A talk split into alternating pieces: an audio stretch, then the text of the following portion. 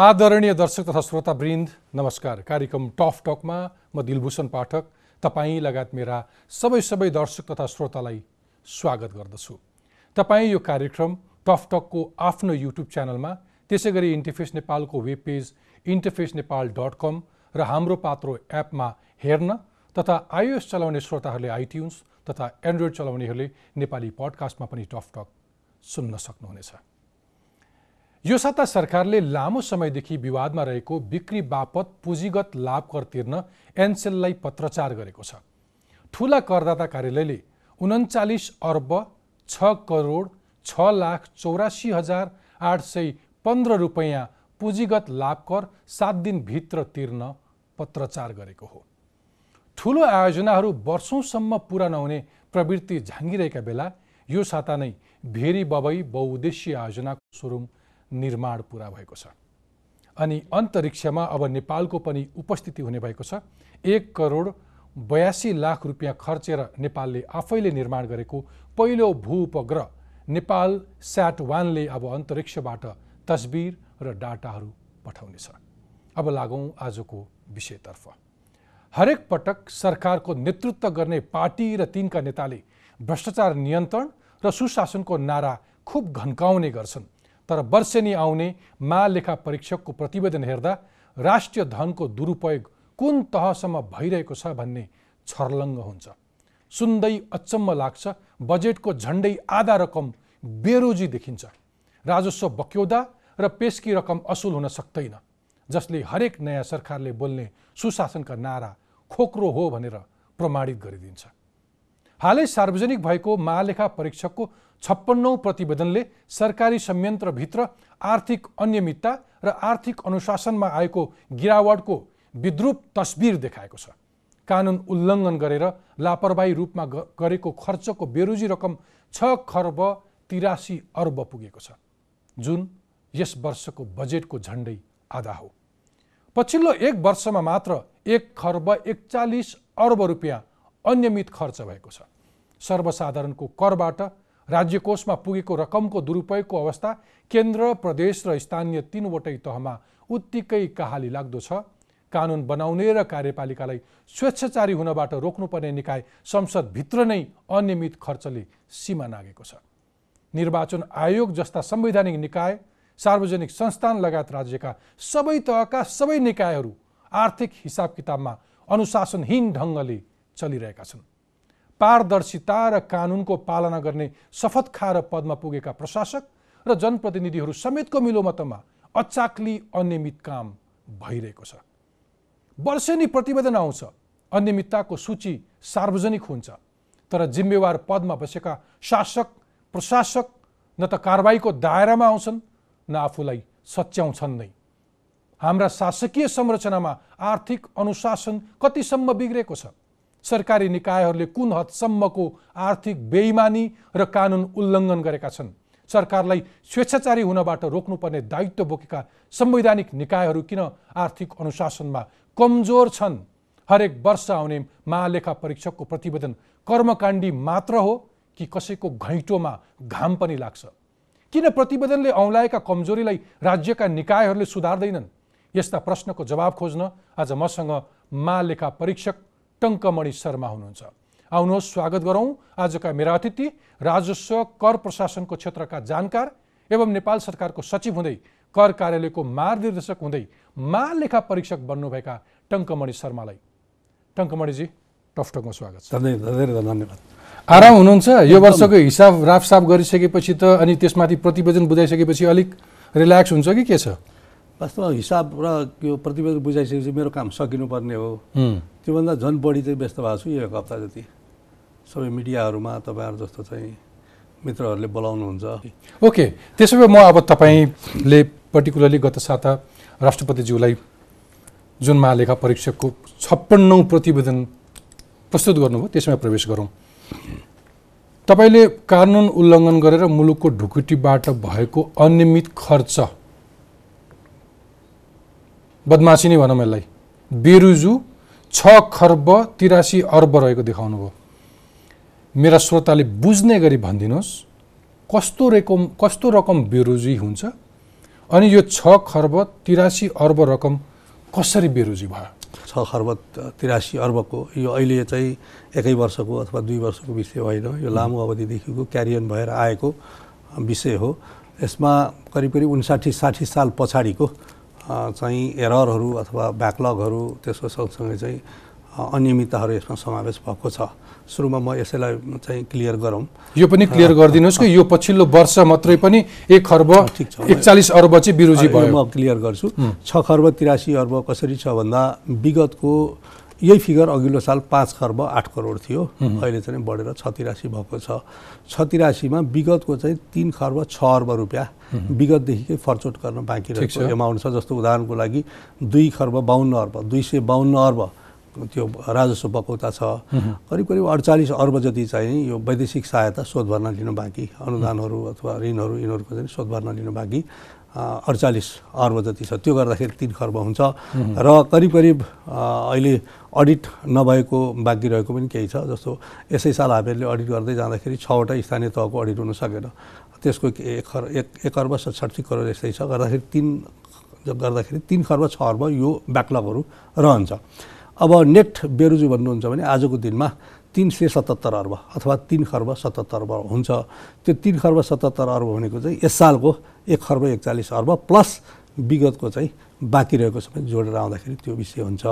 जस्तो तपाईँ के के भन्न खोज्दै हुनुहुन्छ? मैले भन्दा के खोज्दैछु भन्दाखेरि अहिले आजको यो ठुलो सङ्ख्यामा होइन अलिक कम छ भनेर गर्न खोज्दै हुनुहुन्छ बचाव गर्दै हुनुहुन्छ। त्यसरी कसैको बचाइ पनि गर्दिनँ। मैले यो निस्केको फिगरलाई करिब करिब साठी सालदेखिको अहिलेसम्मको फिगर हो त्यो क्लियर गरिदिन खोज्दैछु। एउटा होइन? एउटा कुरा क्लियर गरिदिनुहोस् न मेरो अलिक बढी चासो।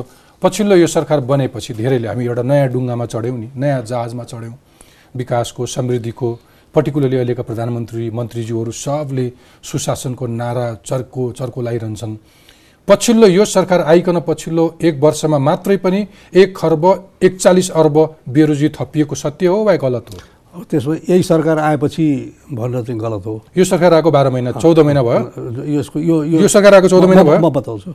यसको के हुन्छ भने यो आर्थिक वर्षको अन्त चौहत्तर पचहत्तर आर्थिक वर्षको असाढ मसान्तको हो यो होइन? त्यसैले गर्दा यो अहिलेकै सरकारको कुरा गर्दा फागुनबाट सरकार बने फागुन चैत वैशाख जेठ असार पाँच महिनाको यो सरकारको छ सात महिनाको अरू सरकारको गरेर बाह्र महिनाको हो यो। पछिल्लो पाँच सात महिनाको पनि तपाईँलाई थाहा हुन्छ। यो सरकार आएपछि चाहिँ कति थपिहाल्छ त्यो भन्न मिल्छ?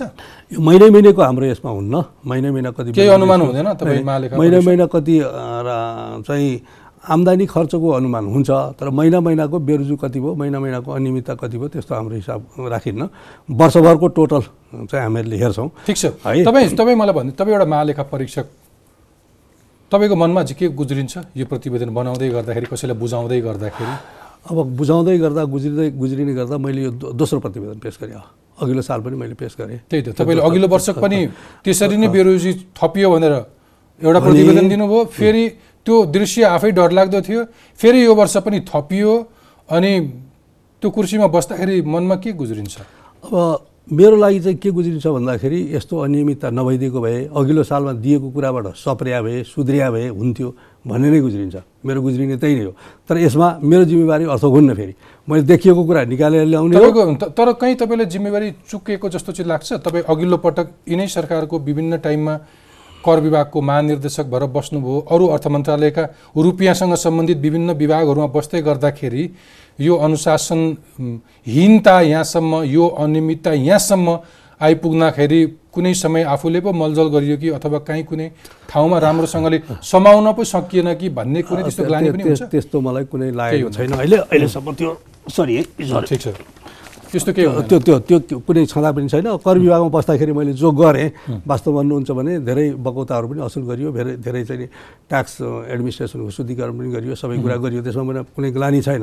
होइन? आफ्नो पालामा गर्दाखेरि भएको कामहरूको फर्चोट गर्ने कुरा पनि जसरी गर्नुपर्ने त्यसरी गरियो। त्यसलाई अलिकति अलिक अलि अलिक कस्न सकिन्थ्यो अलिकति अनुशासनमा त्यसमा त्यसमा मलाई? एउटा फाइदा चाहिँ तपाईँले लुप होल पो दिनुभएको बताउँछु मैले। त्यो बरु त्यहाँ काम गर्दाखेरि आफूले काम गर्दाखेरि व्यावहारिक रूपमा थाहा पाएको विषयहरू बरु मलाई यहाँ सहयोगी भएको छ। यहाँनिर लुपहल हुन्छ यहाँनिर चुहावट हुन्छ यहाँनिर मसौट हुन्छ होइन यहाँनिर हिनामिना हुनसक्छ भनेर त्यो बरु मलाई जानकारी हुन्छ। त्यसबाट त्यो एङ्गलबाट पनि मैले भित्र प्रवेश गरेर बरु चाहिँ खोतल्न चाहिँ सहयोग पुगेको छ होइन। त्यो लुपहलहरू टाल्नको लागि त होइन फेरि। ठिक छ। यो तपाईँको मनको कुरा भयो। ठिक छ। अब मलाई यो भनिदिनुहोस् यो यो बेरुजुको यति ठुलो तथ्याङ्क यो डरलाग्दो दृश्यले के सङ्केत गर्छ? यसले आर्थिक अनुशासन नभएको सङ्केत गर्छ। र त्योभन्दा बाहेक अरू के त्यसमा? हामीहरूले भनेको चाहिँ के छ भन्दाखेरि विषयहरू चाहिँ गभर्नेन्सको ओभरअल सिस्टम हुन्छ नि। त्यो गभर्नेन्सको ओभरअल सिस्टममा सुशासनको कमी भएको प्रश्न देखिन्छ त्यो। आर्थिक अनियमितता भन्ने बित्तिकै गुड गभर्नेन्सको चाहिँ जुन एउटा प्यारामिटरभित्र बस्नुपर्ने हो त्यो प्यारामिटरभित्र बस्न नसकेको भन्ने नै इन्डि इन्डिकेट गर्छ यसले। अब त्यसो सँगै भित्र गएर हेर्नु भन्दाखेरि यो अध्ययनबाट अथवा यो परीक्षणबाट देखिएका कतिपय कुराहरू त लिडिङ टु द करप्सन पनि होला विषयहरू होइन? त्यसलाई छुट्टै। भ्रष्टाचारतिर उन्मुख छ। जान्छ। त्यो कतिपय त्यतातिर विषयहरू लक्षित छ। अनि। यसले सिधा सिधा विकास निर्माणलाई असर गर्छ? त्यो त प्रश्न हो। विकास निर्माण अष्ट गर्छ खरिदमा असर गर्छ सार्वजनिक संस्थानहरूको सञ्चालनमा असर गर्छ ओभरअलमा त गभर्नेन्स सिस्टमै असर गर्छ। त्यसो भए अहिलेको प्रधानमन्त्रीले ज्यूले अथवा उहाँका मन्त्रीहरूले लगाइरहेको नारासँग पुरा पुरा विरोधाभास राख्छ राख्छ। यसमा यस्तो छ उहाँहरूले भनिरहेको कुरा सैद्धान्तिक रूपमा एकदमै ठिक छ। छँदै व्यवहारमा देखिएन। बेठिक छँदै छैन होइन?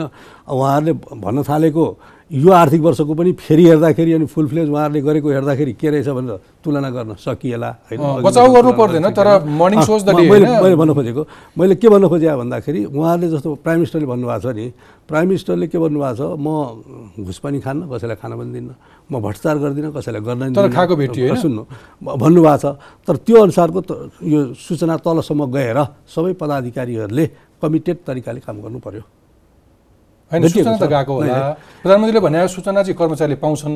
मलाई सिधा सिधा भनिदिनुहोस् न प्रधानमन्त्रीले को बोली र गराइमा फरक छ। प्राइम मिनिस्टर हिमसेल्फको चाहिँ मैले त्यो मान्दिनँ होइन। तपाईँले पनि मान्नुहुन्न होला होइन।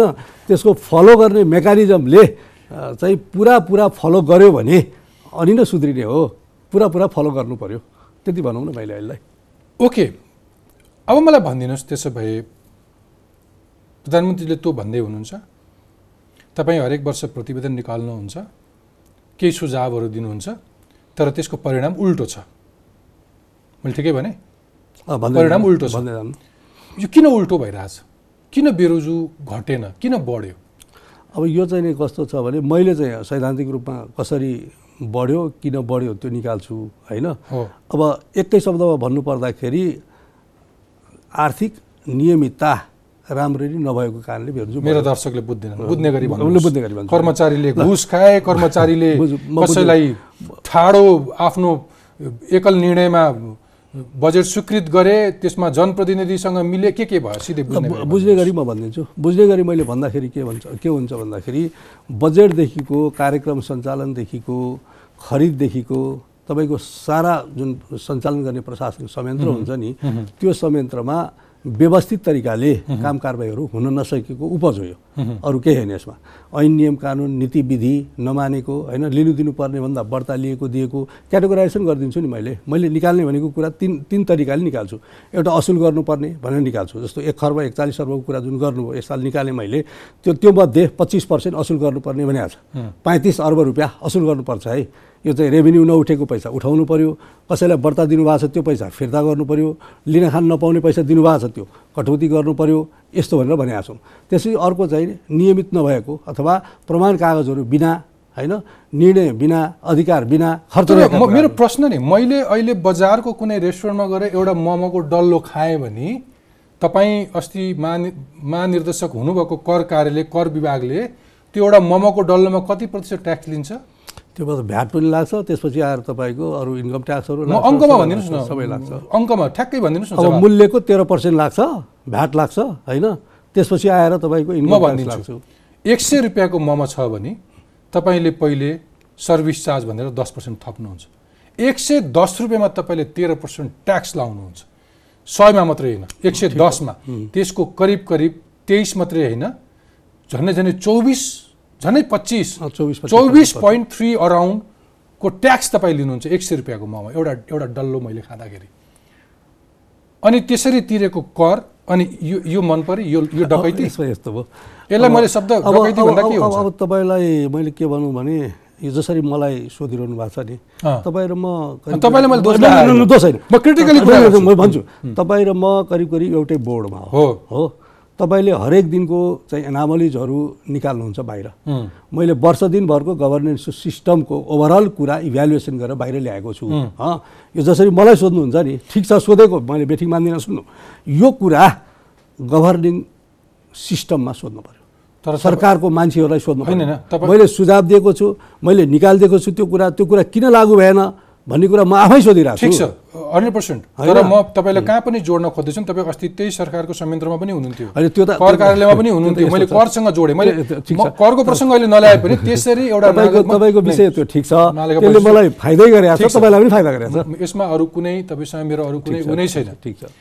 न त यो सर अरू कसैसँग प्रति लक्ष्य मेरो आशय के हो भने हामी अलिकति क्रिटिकली छ, छ। क्रिटिकली संवाद। गऱ्यौँ भने त्यसले। कुनै एउटा निष्कर्ष निस्किन्छ। कसैको घैँटोमा घाम लाग्छ।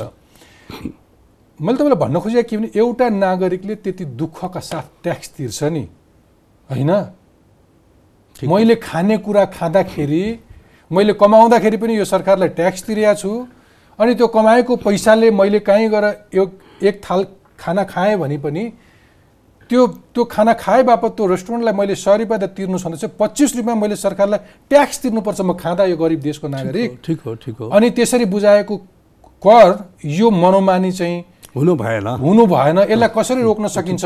यसका कल्प्रिटहरू को को हुन्? तपाईँले भन्नुपर्छ अझ म एउटा म भनिदिन्छु। एक्ज्याक्टली तपाईँलाई म के भनिदिन्छु भने मैले बनाएरै लिएर आएको छु तपाईँको चाहिँ आज ल भन्नुहोस् त्यसो मलाई भनिदिनुहोस् सिधा सिधा कहाँ कहाँ कस्तो। विकृति बताइदिन्छु जनताका चासोकै विषयहरू चाहिँ कहाँ। कहाँ कस्तो कस्तो तपाईँ? त्यसरी जानुभयो नि त्यसैले जस्तो आजको कुरा गर्नुहुन्छ भने आजको दिनमा प्रति व्यक्ति ऋण एकतिस हजार सात सय पचास रुपियाँ परेको छ। अघिल्लो सालको भन्दा सात हजार त्रिचालिस रुपियाँले वृद्धि भएको छ। ल अघिल्लो साल कति थियो? है अघिल्लो साल चौबिस हजार चान्जुन थियो। एउटा एउटा एउटा नेपालीको टाउकोमा ऋण। नाममा एकतिस हजार यो वर्ष सात हजार बढ्यो। एकतिस हजार सात सय पचास परेको छ। आन्तरिक ऋण तिन सय एकानब्बे अर्ब परेको छ। बाह्य ऋण पाँच सय चौबिस अर्ब परेको छ। कुल ऋण अहिले नौ सय पन्ध्र अर्ब नेपालीको नाममा छ। नौ खर्ब छी, पन्ध्र अर्ब। यो चाहिँ भनेको जिडिपी टोटल नेपालको जति छ होइन त्यसको तिस पर्सेन्ट जति हुन्छ। अब तपाईँलाई अर्को म बताउँछु। सर्भिसको कुरा गर्नुहुन्छ भने टेलिफोन सेवाको मैले एउटा विश्लेषण गरेँ। अहिले सबैले घर घरमा टेलिफोन घर घरमा इन्टरनेट घर घरमा सामाजिक सञ्जालहरू चलाइरहेको। संसारको सबभन्दा महँगो टेलिफोन हामी चलाउँछौँ। त्यो बुझ्नुभएको. तपाईँले, है त्यो म त communication को अँ, student ठिक छ। तपाईँ हो त्यसमा कति विश्लेषण गर्नुभएको छ? मैले के विश्लेषण गरेँ भन्दाखेरि अपरेटिङ प्रफिट दुनियाँमा जति भएको छ त्योभन्दा सबभन्दा हाइएस्ट यहाँ रहेछ। भनेपछि मूल्य हामीले बढ्ता तिरिरहेछौँ।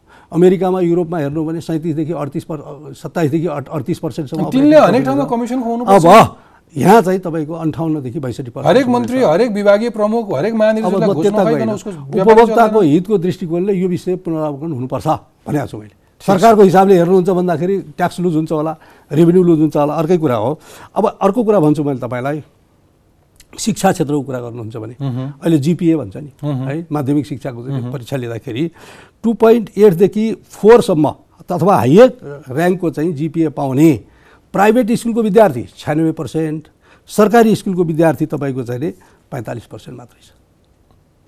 है लोएस्ट ग्रेडको पाउने चाहिँ जिरोदेखि टु पोइन्ट एटसम्म पाउने के छ थाहा पाउनु भएको छ? प्राइभेट स्कुलको फोर पर्सेन्ट छ सरकारी स्कुलको फिफ्टी फाइभ पर्सेन्ट छ। अब तपाईँले फेसिलिटीहरू हेर्नु हो भने सरकारी स्कुलमा टिचर सबै ठाउँमा छन्। पाँचैवटा विद्यार्थी भए पनि दसजना टिचर पनि छन् त्यहाँ। होइन? एउटै विद्यार्थी हुँदाखेरि पनि टिचर छन्। स्कुल त्यसरी पनि छ। भौतिक पूर्वाधारहरू पनि सबै छ तर क्वालिटी हेर्नुहुन्छ भने त्यस्तो देखिएको छ। स्वास्थ्य बिमाको कुरा गर्नुहुन्छ। बयालिस जिल्लामा अहिले सञ्चालन छ सञ्चालन गरेको छ। समेटेको जनसङ्ख्या जम्मा दस पर्सेन्ट मात्रै छ। तर प्रिमियमबाट फाइदा हुने होइन नोक्सान भएको छ उल्टो। पन्ध्र करोड बिस करोड रुपियाँ वार्षिक नोक्सान हुँदो रहेछ। कृषिको ब्याजको अनुदानको कुरा गर्नुहुन्छ भने राष्ट्र ब्याङ्क मार्फत जान्छ नि जुन। नेपालमा दुई तिहाईभन्दा बढ्ता मान्छे कृषिमा आश्रित छन्। होइन? आठ हजार नौ सय तिसजना मान्छेलाई वर्षभरमा ऋण गएको छ। ब्याजको अनुदान दिएको छ। त्यस्तै गरेर कृषिमा बनाएको चाहिँ जुन अनुदान दिएको छ त्यसले उत्पादन बढाएको छैन अरबौँ रुपियाँ गएको छ अनुदान। होइन? नहर बनाइएको छ पानी आएको छैन। यी यावत कुरा मैले विश्लेषण गरेको किसानको ऋण त किसानले पाउँदै पाउँदैन अर्को एउटा तपाईँलाई भनिदिन्छु अझ। सवारीको यो अहिले चाहिँ हामीले इम्पोस्ट नम्बर प्लेटहरू राख्ने भनियो होइन? एउटा एग्रिमेन्ट गरियो त्यसमा। दुई चार हजार बाँडियो होला। त्यो पनि कुनै नेताले आफ्नो नजिकको परिवारको। मान्छेलाई पच्चिस पच्चिस लाखलाई बाँड्ने भनेर एग्रिमेन्ट गरे रहेछ। तर अब हाम्रो त यो चाहिँ सरकारी भाषा चाहिँ त नेपाली भाषा हो नि त। देवनागरी लिपिको नेपाली भाषा हो नि। अङ्ग्रेजीमा बनाउने भनेर एग्रिमेन्ट गरे रहेछ। अदालत गएपछि त्यो कुरा स्थगित त्योभन्दा त्योभन्दा फन्नी त तपाईँको आजको दिन एउटा गाडी मैले किने भने कति पर्सेन्ट ट्याक्स तिर्नुपर्छ। धेरै पर्छ। दुई सय दुई सय चालिस प्रतिशतले नपुगेर प्लस- सरकारले बढायो। प्लस पर्छ। अनि त्यो त्यो चालकलाई लाइसेन्स क्रिटिकल कुरा तपाईँलाई भन्छु मैले। कामै नभए पनि पन्चानब्बे पर्सेन्ट चाहिँ पैसा तिर्नुपर्छ है भने अहिले स्थगित गएपछि अब काम हुँदैन। त चार अर्ब चान्सु रुपियाँ त्यसरी तिर्नुपर्ने हुन्छ लाइसेन्सको कुरा गर्नुभयो नि त्यो पनि मलाई लागेको छ मैले लेखिदिएको छु। हजारौँ लाइसेन्स कार्ड वितरण गर्नुभएको छ तर अहिले हामीले चाहिँ सवारी साधन लिएर हिँड्नु पऱ्यो भने लास्टमा के गर्नुपर्छ त? नगदी रसिद पैसा तिरेको रसिद तिरेर देखाएर हिँड्नु पर्नेछ कार्डसम्म हामीले दिन सकेका छैनौँ। यो खालको व्यतिथिहरू छ धेरै। जस्तो अब जनताको अर्को कुरा गर्नुहुन्छ जग्गाको किता काटको कुरा गर्नुहुन्छ भने अनि यो सबै पैसा चाहिँ यो। सेवा सुविधा होइन? अब यसमा यसमा चाहिँ तपाईँको अंशबन्धको नाममा चाहिँ धेरै दुरुपयोग भएको छ। औषधिको मौताद छैन होइन? म्यादनाएको औषधिहरू छ। यस्ता यावत कुराहरू तपाईँले पढ्नु हो भन्दाखेरि नि अब सर पढेरै यो पारो छुटेको अब अर्को अर्को साह्रै पीडा हुन्छ नि होइन मलाई लागेको छ कि म त अब ट्याक्स तिर्छु नि गर्नुहुन्छ धेरै। कि हिसाबले हेर्दाखेरि समग्रतामा अलिकति समस्याहरू होइन निकै नै समस्या देखिया अगाडि बढौँ मसँग। धेरै प्रश्नहरू छन् मलाई। अब एउटा कुरा भनिदिनुहोस् कि हामीले यो पछिल्लो बेरुजु मैले यसरी भन्दा हुन्छ कि यो लोकतन्त्र आए पछाडिका वर्षहरूमा थपिँदै गएको छ थपिने हरेक क्रमहरू वर्ष बढेको छ हरेक वर्ष थपेको छ। फेरि पनि म स्पष्ट पार्छु लोकतन्त्र आएको पछिल्लो वर्षहरूमा बेरुजु बढ्या छ सर। तपाईँ आफ्नो तथ्याङ्क हेर्नु होला मलाई एउटा कुरा भनिदिनुहोस् हामी सङ्घीय संरचनामा गयौँ तिनवटा तहमा। केन्द्रमा त खान पल्केकाहरू सधैँ थिए ठुला बुढी भएका तर तिनै तहमा प्रदेश र स्थानीय तहमा उस्तै विकृति यहाँबाट फैलिएर गयो अथवा के भयो त्यो विकृति पाइयो? कस्तो पाइयो भनिदिनुहुन्छ? अब स्थानीय तहको पनि मैले विश्लेषण गरेको छु हरेक तहको नै जस्तो सात सय त्रिपन्नवटा मध्ये सात सय सत्तालिसको चाहिँ विश्लेषण गरियो छवटाको अडिट हुन सकेन उहाँहरूले श्रेष्ठहरू पेस गर्नु भएन। त्यो हेर्दाखेरि आजको दिनमा पाँच सय बहत्तर अर्ब रुपियाँ खर्च भएको छ। पाँच खर्ब बहत्तर अर्ब रुपियाँ। त्यसमा चौबिस अर्ब चान्चुन चाहिँ अनियमितता देखेको छ। है। भनेको त्यो चाहिँ four point two two percent चान्चुन हुन्छ। चौबिस अर्ब चान्चुन देखिया छ। त्यसमा क्याटेगोरिकली हेर्दाखेरि तपाईँको विकासको नाममा गरिएको खर्चमा पनि अनियमितता देखिया छ होइन? दीर्घकालीन टाइपले चाहिँ विकास उहाँहरूले गर्नु भएको छैन। एकदम सर्ट टाइपको चाहिँ अझ बुझ्ने गरी भने सबैभन्दा बढी बेरुजुको तथ्याङ्क हेर्ने भने सबैभन्दा बढी प्रदेश नम्बर दुईमा देखियो अनि तिनमा देखियो? प्रदेश नम्बर दुईमा स्थानीय तहको बढ्ता छ। स्थानीय तहको। स्थानीय तहको प्रदेश नम्बर त दुईमा दुईमा। बढ्ता छ अघिल्लो साल पनि बढ्ता थियो त्यो। अनि उछुनिएको दुईले छ बेरुजुमा। अनि अनि अनि पछि पछि लागेको तिन छ दुई र तिन नम्बरको पनि त्यस्तै छ। सबैको गर्दाखेरि अब यस्तो हो खर्चको। खर्चको प्रकृति अनुसार छ। अब यो एक ठाउँलाई मात्रै मैले क्या- क्याटेगोराइज गरेर भन्नुभन्दा पनि स्थानीय तहको समग्रतामै हेर्दा के देखिएको छ भने तपाईँको अलिकति बढी बढी वितरणमुखी प्रचारमुखी टाइपको कुराहरू खर्च भएको छ सामाजिक सांस्कृतिक धार्मिक कुराहरूमा मेला महोत्सवहरूमा यस्तो कुराहरूमा जोबाट चाहिँ उपलब्धि त्योभन्दा। बाहेक अर्को पनि छ यो अलिकति अलिकति विलासिता अलिकति गाडी मोटरसाइकल यस्तो खालको पनि छ? त्यसमा यस्तो सुन्नु। गाडी मोटरसाइकलमा मेरो अब्जेक्सन त छ तर फेरि छुट्टै रिजर्भेसन पनि छ। के छ? कुरो बुझ्नुभयो? नेपालको एउटा मेयरले एउटा अध्यक्षले एउटा गाडी चढ्न नपाउने एउटा चाहिँ वडा अध्यक्षले एउटा मोटरसाइकल चढ्न नपाउने त होइन होला। पाइन्छ। मलाई तर भन्नु-। तर मेरो रिजर्भेसन कहाँनिर हो भने मैले लेखिदिएको छु नि त्यहाँ। हजार बाह्र सयवटा गाडी मोटरसाइकलहरू किनेको छ।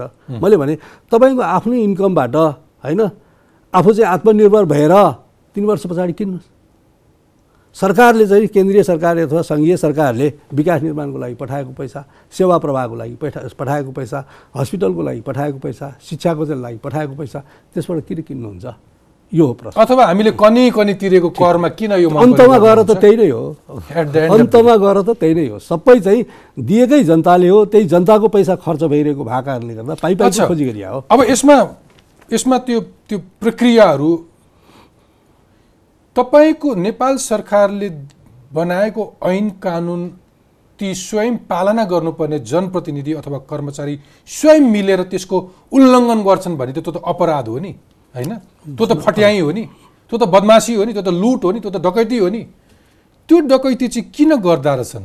त्यो बजेटै पारित नगरिकन खर्च गरेको पनि पाइयो होइन? अनि लेखा परीक्षण नै नगराएको स्थिति पनि छ होइन? केही ठाउँमा छ। बजेट पारित नगरिकन गरेर अथवा आर्थिक वर्षको अन्तमा आएर बजेट पारित गरे अनि यो यो यो लगामविहीन भनेको तिनको तिनको अब फेरि अर्को पक्ष पनि छ। तिन म यति धेरै रिसाउनु पनि हुँदैन। तिनको केही बाध्यता छ कि तिनको स्वभाव यस्तो हो? अब यो सुरुवाती चरणमा चाहिँ मैले हेर्दा के भन्दाखेरि उहाँहरूले चुनावको बेलामा आफ्नो घोषणापत्रहरू जारी गर्नुभयो यो गर्छु गर्छु गर्छु भनेर भन्नुभयो सबै बताउनु भयो अब कार्यक्रमहरू नीतिहरू बजेटहरू बनाउने बेलामा त्यस्तो कुराहरू कति चाहिँ उहाँहरूले पार्न सक्नु भएन अनि पछि गाउँ गाउँमा जाँदाखेरि चाहिँ मागहरू फरक आयो।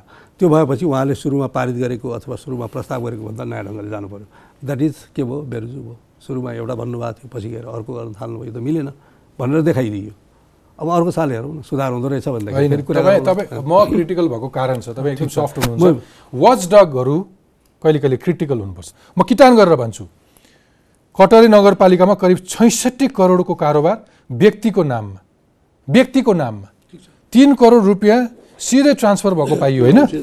तिनीहरू जो चाहिँ मसौट भएको जति जति छ नि। यो भनेको सिधा सिधा कर्मचारी र जनप्रतिनिधिको मिलोमत होइन? त्यस्तो मान्छेहरू फेला परि वरिकन अख्तियार दुरुपयोग अनुसन्धानबाट कारवाही पनि सुरु। गइसक्यो कारवाही भइसक्यो। गजब।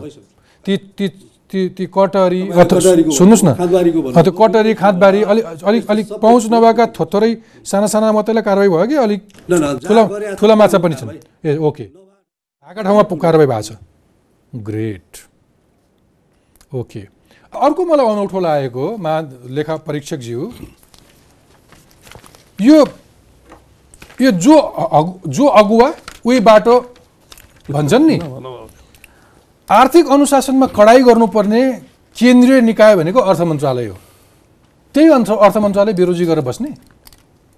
कि मैले कुरा नबुझेको? तपाईँले एकदम प्रश्न बुझ्नु राम्रो गरी बुझ्नु। हजुर? प्रश्न बुझ्नुभयो तपाईँ। प्रष्ट बुझेँ। हो, एकदम अझ तथ्याङ्क भनौँ। त्यही मन्त्रालयको सबैभन्दा सबैभन्दा बढी बेरोजु एकतिस अर्ब त्रिपन्न करोड अर्थात् करिब तिस प्रतिशत। ठिक हो। यस्तै योभन्दा लज्जाबोध। यस्तै गरेर चाहिँ करिब दसवटा मिनिस्ट्रीको टोटल फिगरको नाइन्टी पर्सेन्ट हुन्छ। यसमा कसले लाज मान्ने? यसलाई कस्तो कस्तो शरम हुन्छ यो कुराले? मैले शरम मान्ने मेरो यसमा यसरी यसरी। बताइदिन्छु है। अर्थ मन्त्रालयको आफ्नै खर्च वर्चको त्यो होइन। त्यो चाहिँ क्लियर गरिदिनुपर्छ। जवाबदेहिता उसको हो सर। उसको ओभरअल रेभिन्यूको कुरा हो। उसको जवाबदेहिता उसको हो। उसको मोनिटर गर्ने निकाय हो। उसको हो। पैसा दिने हो। र तपाईँलाई मैले बताउँछु तपाईँले प्रश्न गर्नुभयो त्यसको प्रतिप्रश्न मैले के गर्छु भने रेभिन्यूको कुराहरूमा यसपटक हामीले अथवा मैले भनौँ सरसर्ती हेर्दाखेरि मात्रै करिब बाइस पच्चिस अर्बको नयाँ इस्युहरू निकालेका छु। जबकि रेभिन्यूको अफिसरहरूले दिनादिनै हेर्दाखेरि त्यो इस्यु किन पाएन होला? किन फेला पारेन होला? किन फेला पारेन होला? सिधा सिधा भन्दाखेरि त उहाँहरूले उहाँहरूले पूर्ण रूपमा चाहिँ हेर्नु भएन। अथवा डिटेल हेर्नु भएन। त्यो नियत देखिन्छ कि देखिन्छ नियतै चाहिँ मैले अहिले भन्दिनँ। होइन? नियतै चाहिँ किन भन्दिनँ? उहाँहरूको पनि एउटा तपाईँलाई। बताउँछु। नियतै चाहिँ मैले किन भन्दिनँ भन्दाखेरि उहाँहरूले के भन्नुहुन्छ भने हाम्रो चाहिँ सोह्र लाख करदाता मध्येको पाँच हजारको मात्रै हेरेको हो। त्यसैले त्यो नहेरेको मध्येबाट तपाईँले निकालिदिनु भयो। भन्नुहुन्छ उहाँहरूले। त्यस कारणले मैले नियतै त भन्दिनँ होइन? हेरेकैबाट निस्किया रहेछ भने त किन छुट्यो? नियतले छुट्यो कि भन्ने हो? हामीले हेरेका थिएन स्याम्पलिङमा हेरेको हो त्यसबाट तपाईँले निकाल्नुभयो। भन्यो भने त नियतै भन्नु त मिलेन। तर मैले अघि तपाईँलाई अघि लक्षित गरेँ नि तपाईँ आफू पनि कर विभागमा महानिर्देशक हुनुहुन्थ्यो अथवा के। तपाईँहरूले ढिलो चाँडो अगाडि पछाडि एक किसिमको संयन्त्र यस्तो बनाउनु भयो कि त्यहाँ त्यहाँ ठग्ने चोर्नेहरू उम्किने अनि सोझा साझा निरीह अथवा त्यो तिर्नु पर्छ भन्ने तपाईँ हामी जस्ता मान्छेहरू चाहिँ लाई तपाईँले याकिरहने त्यसमा यस्तो छ। हरेक साल त्यो सिस्टमहरूलाई रिभ्यू गर्दै जानुपर्छ। यदि त्यसरी छुट्न लाग्यो भने यसरी त्यसरी भाग्न लाग्यो भने त्यस्ताहरूलाई समात्ने मेकानिजम बनाउनु अर्थ मन्त्रालयले कसले समाउनुहुन्छ? त्यहाँको कर्मचारीहरू समाउनु भयो? कसैले नसमाते पनि अडिट रिपोर्टमा त आज तपाईँ समाइरहनु भएको छ त। तपाईँले समाते समाते। तिनलाई समाउनु पाउँदैन म तपाईँलाई राखराखी पारेर? मलाई राखराखी पारे पनि आखिर अन्त त विषय त उहाँको हो नि। बिल्कुल बिल्कुल तपाईँले मेरो मर्म बुझ्नुभयो? मलाई एउटा कुरा भनिदिनुहोस्। तपाईँले एउटा माध्यम बनाइरहनु भएको छ। Thank you sir thank you अब स्थानीय तहमा चाहिँ अलिकति फर्केर गइहालेँ अर्थ मन्त्रालयको कुरा आउँदाखेरि स्थानीय तहमा चाहिँ त्यो समाउने कुनै निकाय छ? जस्तो तपाईँको महालेखा परीक्षकको कार्यालय तपाईँको केन्द्रमा छ स्थानीय तहमा अथवा प्रदेशको तहमा यो बेरुजु अथवा यो आर्थिक अनियमिततालाई प्रपरली हेर्ने एउटा फङ्सनेबल फङ्सनल कुनै इन्स्टिट्युसन हामीले परिकल्पना गरेछौँ त्यो एक्जिस्ट यसमा गर्छ। यस्तो छ। अहिले के छ भने अब नेपालको संविधानको चाहिँ धारा दुई सय चौरानब्बेमा हेर्नु हो भने संवैधानिक निकायहरूले आफूले गरेको कामको प्रतिवेदन सामान्य राष्ट्रपति समक्ष दिनुपर्ने व्यवस्था अनुसार यो मैले दिएँ। अब अहिले यो रिपोर्टमा मैले सङ्घ प्रदेश स्थानीय तहको तिनटैको कुरा राखिदिएको छु। त्यो कुरा सङ्घीय संसदमा पनि जान्छ सार्वजनिक लेखा समितिमा पनि त्यो विषय चाहिँ हेरिन्छ। अब अर्को विषय के छ भन्दाखेरि यो अहिले चाहिँ सरी सङ्घ प्रदेश स्थानीय तहको जुन हाम्रो शासकीय व्यवस्था छ त्यो अन्तर्गत सात सय एकसट्ठीवटा सरकार छ अहिले। बुझ्नु भएन। स्थानीय तह प्रत्येक स्थानीय तह छुट्टै छुट्टै सरकार हो। उनीहरूको त्यहाँ व्यवस्थापिका पनि छ त्यहाँ कार्यपालिका पनि छ त्यसको सँगसँगै न्यायिक अधिकार भएको न्यायिक समिति पनि छ। यसरी हेर्नुहुन्छ भने तिनवटै विङ राज्य सञ्चालनको तिनवटै विङ एकै ठाउँमा छ त्यहाँ। अब प्रदेशमा गएर हेर्नु भने दुईवटा छ त्यहाँ। त्यहाँ एउटा चाहिँ व्यवस्थापिका छ अर्को चाहिँ कार्य कार्यपालिका छ। सङ्घमा आएर हेर्नु भने तिनवटा छ व्यवस्थापिका कार्यपालिका न्यायपालिका छुट्टै छुट्टै छ। त्यसैले अहिलेको चाहिँ हाम्रो एक्जिस्टिङ कानुन भनौँ अथवा लेखा परीक्षण ऐन नयाँ नयाँ जुन हामीले पारित गरेका छौँ त्यो ऐनबाट उहाँहरूको यो रिपोर्ट गइसकेपछि अडिटर जेनरलको रिपोर्ट छुट्टै छुट्टै जान्छ। त्यो गइसकेपछि उहाँहरूले आफ्नो सभामा राख्नुपर्छ त्यहाँ छलफल गर्नुपर्छ र क्लियर गर्नुपर्ने कुरा त्यसबाट क्लियर गरेर बाँकी रहेको कुरा चाहिँ होइन फर्चोट असुल गर्नुपर्छ। त्यो खालको व्यवस्था अहिले हो यसमा। अब यसलाई रिभ्यू गर्नुपर्छ कि भन्ने कुरा पनि आइराखेको छ। एकै ठाउँमा गएर त्यो सबै कुरा कसरी होला र भन्ने पनि आएको त अर्को चाहिँ के छ भने दिलभूषणजी एकपटक यसपटक अलिकति हामीले नयाँ अडिटको थियोरीमा पनि अलिकति सिस्टममा पनि अलिक सुधार गरेका छौँ। जसरी वर्षमा एकपटक मात्रै राष्ट्रपतिका रिपोर्ट दिने व्यवस्था थियो। होइन? यसचोटि हामीले के गर्यौँ भने अब एनावली ज्वरो यसै गरी बढिरहने हानि नोक्सानी हिनामिना भइरहने राज्यको सम्पत्ति दुरुपयोग भइरहने हो भने त अडिटर जेनरल चाहिँ वर्षभर हेरिरहने त त्यसलाई अनि वर्ष पर्खेर रिपोर्ट लगेर दिने। त्यति बेलासम्म विषयहरू असामयिक पनि भइसकेका हुन्छ असान्दर्भिक पनि भइसकेका हुन्छ। विकास निर्माणको कुरा कति छ भने त्यो चाहिँ बिग्रि पनि सकेका हुन्छ। त्यसैले जुनसुकै बेला पनि रिपोर्ट दिन सक्ने व्यवस्था छ। यदि त्यस्तो भयो भने कुनै पनि बेला पिकअप गरेर मैले राष्ट्रिय टाइपको त्यस्तो इस्युहरूलाई फेरि संसदमा ल्याएर छलफल गराउन सक्छु। ओके। यो एउटा मेकानिजम ओके। अब अर्को कुरा भनिदिनुहोस् यो बेरोजुको अथवा यो आर्थिक अनियमितताको यो यो पारो चाहिँ किन चढिरहेछ अथवा यो वृद्धि किन भइरहेछ भने हामी कहाँ चाहिँ विकास असारे विकास भन्छौँ होइन? बाह्र महिना चुप लाएर बस्ने अब असार लाग्यो अब बजेट चाहिँ सक्नुपर्छ भनेपछि फटाफट त्यो मिलाएर गरौँ भने जस्तै मिलाएर खाउँ। भनेर फटाफट बजेट मिलाएर खानको लागि अनेकन कामहरू गरिन्छ होइन? त्यो त्यो एउटा कारण हो। मेरो पनि अब्जर्भेसन त्यसैमा हो नि। असारको मसान्तमा विविधबाट मलाई लाग्छ छैसठी सडसठी अर्ब रुपियाँ निकास भएको छ। कुल। दस खर्ब चौरासी अर्ब रुपियाँ मध्ये। खर्च गरेको मध्ये। असारमा मात्रै दुई खर्ब बाइस अर्ब रुपियाँ खर्च। असारमा मात्रै कस्तो खर्च भएको छ। असारको पच्चिसदेखि एकतिससम्म हेर्नु हो भने एक खर्ब प्लस भएको छ। असारकै महिनामा तपाईँको छैसठी सडसठी अर्ब रुपियाँ विविधबाट गएको छ। असारकै महिनामा पचहत्तर अर्ब चान्चुन रुपियाँ रकमान्तर भएको छ होइन? अनि तिनले गरेको काम भदौसम्म चल्दैन। यसलाई मैले यसलाई कसरी बताउँ भने बजेट बनाउँदाखेरिको राम्ररी प्लानिङ गर्न नसकेको राम्ररी एलोकेसन गर्न। नसकेको राम्ररी उहाँहरूले चाहिँ प्राथमिकता किट्न नसकेको त्यसैले गर्दा गर्दै जाँदा जेमा उब्रिन्छ उब्रेकोबाट भइरहेको ठाउँमा पठाइदिने। चलन यस्तो भयो। यो सुध्रिया यसलाई यसलाई मैले सुध्रिया भन्दिनँ है। यो अघिल्लो साल पनि थियो प्रि लास्ट इयरमा पनि थियो। जनताले तिरेको करको यति धेरै मनोमानी यो जनता लाठी मुङ्रो लिएर आउँदैन? अब अब ठोकिने कुरो कहाँनिर भन्दाखेरि अब जनता मिडिया तपाईँहरू पनि जागरुक हुनुभएको छ। मैले लाग्छ यसपटक धेरै नै जागरुक भएको देख्छु मैले धेरै नै डिसिमेसन भएको छ इन्फर्मेसनहरू। जनता पनि जागरुक हुनु पऱ्यो यसको अर्थ के हो भन्दाखेरि मेरो रिपोर्ट अहिले चाहिँ पाँच सय सात सय सत्तालिसमा गएको छ। होइन? त्यो गाउँ गाउँमा भएको विकास निर्माण सेवा प्रवाह खर्च होइन खरिद आदि इत्यादि कुराहरूमा भएको एनामलिजहरू त्यहाँ लेखिएको छ।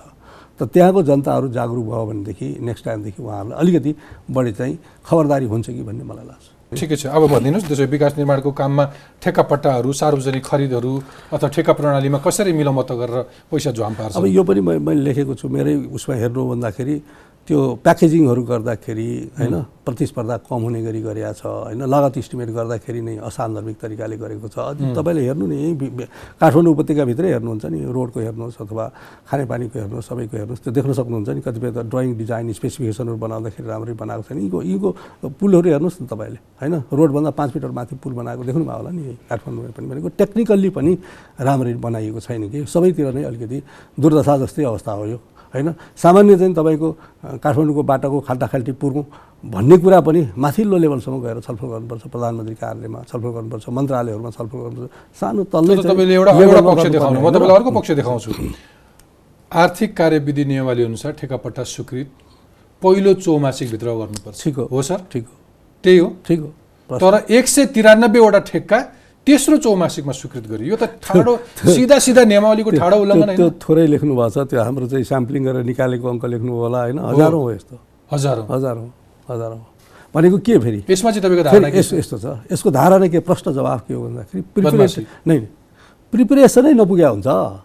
साउनको असार भनौँ न हामीले प्रिपरेसन गर्न भनेर जेठको पन्ध्र गते बजेट ल्याएर साउनको एक गतेदेखि लागू गर्ने भनेर पैँतालिस दिन अगाडि बजेट ल्याउँछौँ। तर फेरि कुराहरू सुरु चाहिँ मलाई भन्नु दिनु है। फेरि सुरु चाहिँ कहाँबाट हुन्छ भन्दाखेरि साउन एक गतेदेखि बल्ल प्रोजेक्टहरू छनौट गर्ने ड्रइङ गर्ने डिजाइन गर्ने स्पेसिफिकेसन तयार गर्ने साइट खोज्ने अनि टेन्डर गर्ने गर्दै जाँदाखेरि तपाईँको त्यो अवधि पुग्छ के? सर म सिधा यसरी कान समाउँछु यता घुमाउँदिनँ। सिधा सिधा भनिदिनुहोस्।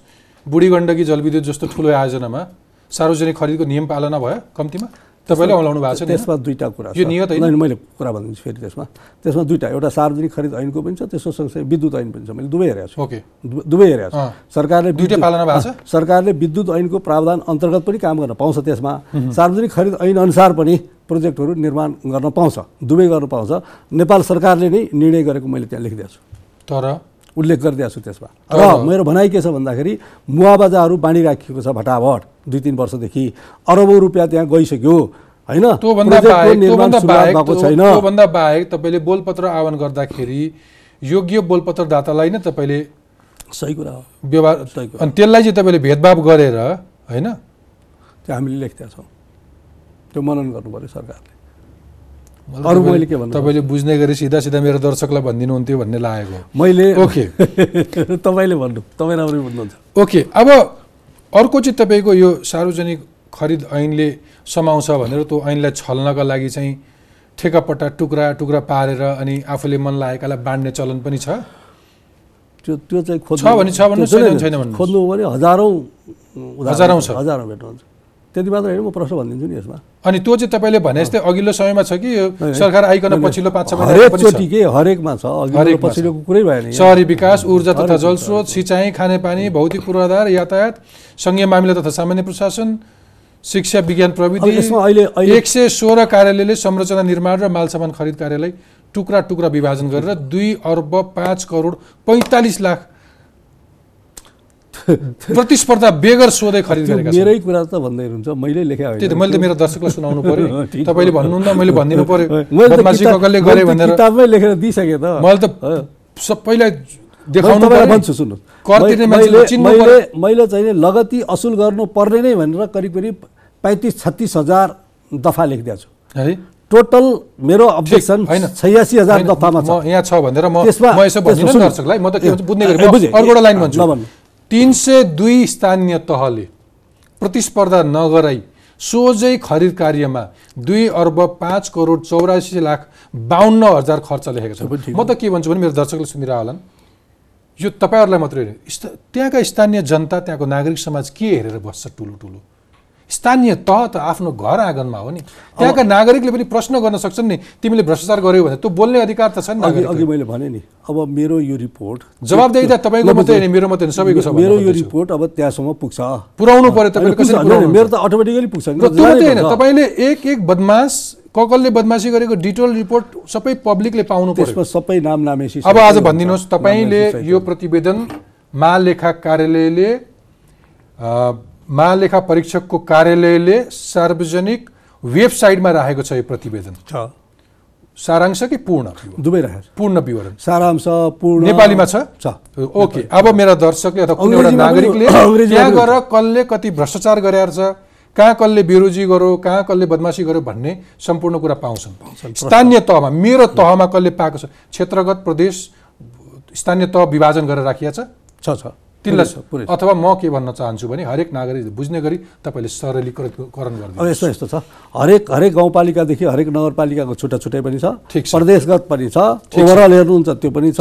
होइन डिटेल छ त्यो ठिक छ अब अर्को कुरा के हो भने तपाईँ एउटा सुकिलो मान्छे अथवा जस्तो सुन्छु मान्छे भने हिलोमा टेकिसकेपछि तपाईँ पनि हिलै लाग्यो नि अछुतै भयो अब यो दात्री निकायहरू चाहिँ सुकिला थिए भन्न त खोजे होइन यहाँ हाम्रो बानी बेहोरा हाम्रो आचरणले पनि तिनलाई गुटुमुटु पारो अथवा तिनी पनि हाम्रै स्वभावमा आउन थाले। जस्तो कि नेपालमा सहयोग गर्ने अन्तर्राष्ट्रिय दात्री संस्थाले पनि सरकारको स्वीकृति बिनै काम गरेको पाइयो। ठिक हो। तेह्र करोड त्रिचालिस लाख अमेरिकी डलर बराबर रकम परियोजनामा आफू खुसी खर्च गराएर छैन।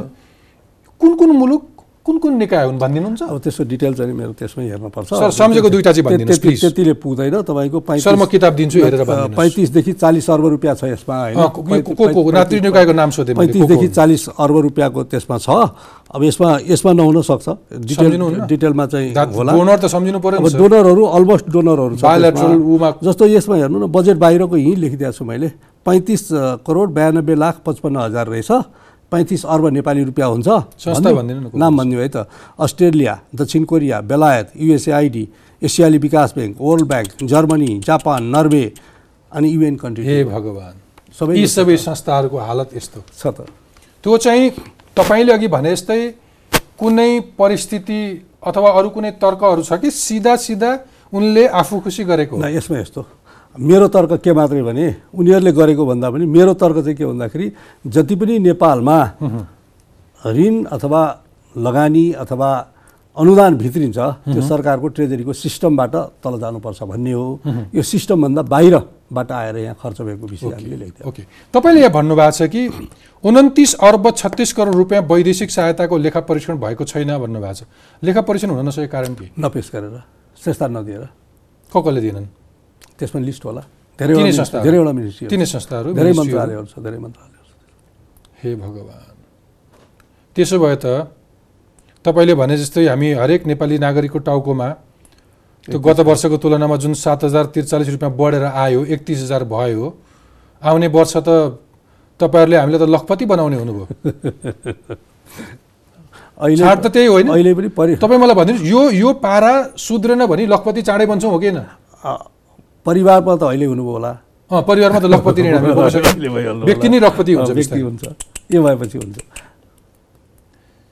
हे भगवान् के छ यसको औषधि उप- उपचार केही ओखतिमूलक केही छ? औषधि भनेको नि जम्मै जम्मै औषधि भनेको के हो भन्दाखेरि सिस्टममा जानु पर्यो सिस्टम मान्नु पर्यो ऐन नियम कानुन नीति विधि मान्नु पर्यो प्रक्रियाहरू मान्नु पर्यो त्यो भित्र आउनु पर्यो कि सबै अर्को एउटा बताउँछु तपाईँलाई मैले। त्यो बनाइएको कुराभित्र आउन सकिन्न भने नयाँ कुरा बनाउनु पर्यो। है? नयाँ नीति बनाउनु पर्यो नयाँ ऐन बनाउनु मलाई अनौठो लागेको नि राष्ट्रिय बिमा संस्थान जसले मेरो बिमा गर्छ महँगो मूल्यमा। होइन? बिमा कम्पनी। ठिक हो। Nepal tourism board. त्यो भनेको आजको सबैभन्दा मोडर्न इन्स्टिट्युसन हो। नेपाल खानेपानी संस्थान। ल योबाट थोपा। थोपा पानीको हिसाब गरेर पैसा लिन्छ। योबाट त्रिभुवन विश्वविद्यालय जसले विद्यार्थी पढाउँछ शिक्षा बाँड्छ। यस्ता दसवटा संस्थाले लेखा परीक्षण नै गराउन सकेका छैन ठिक हो।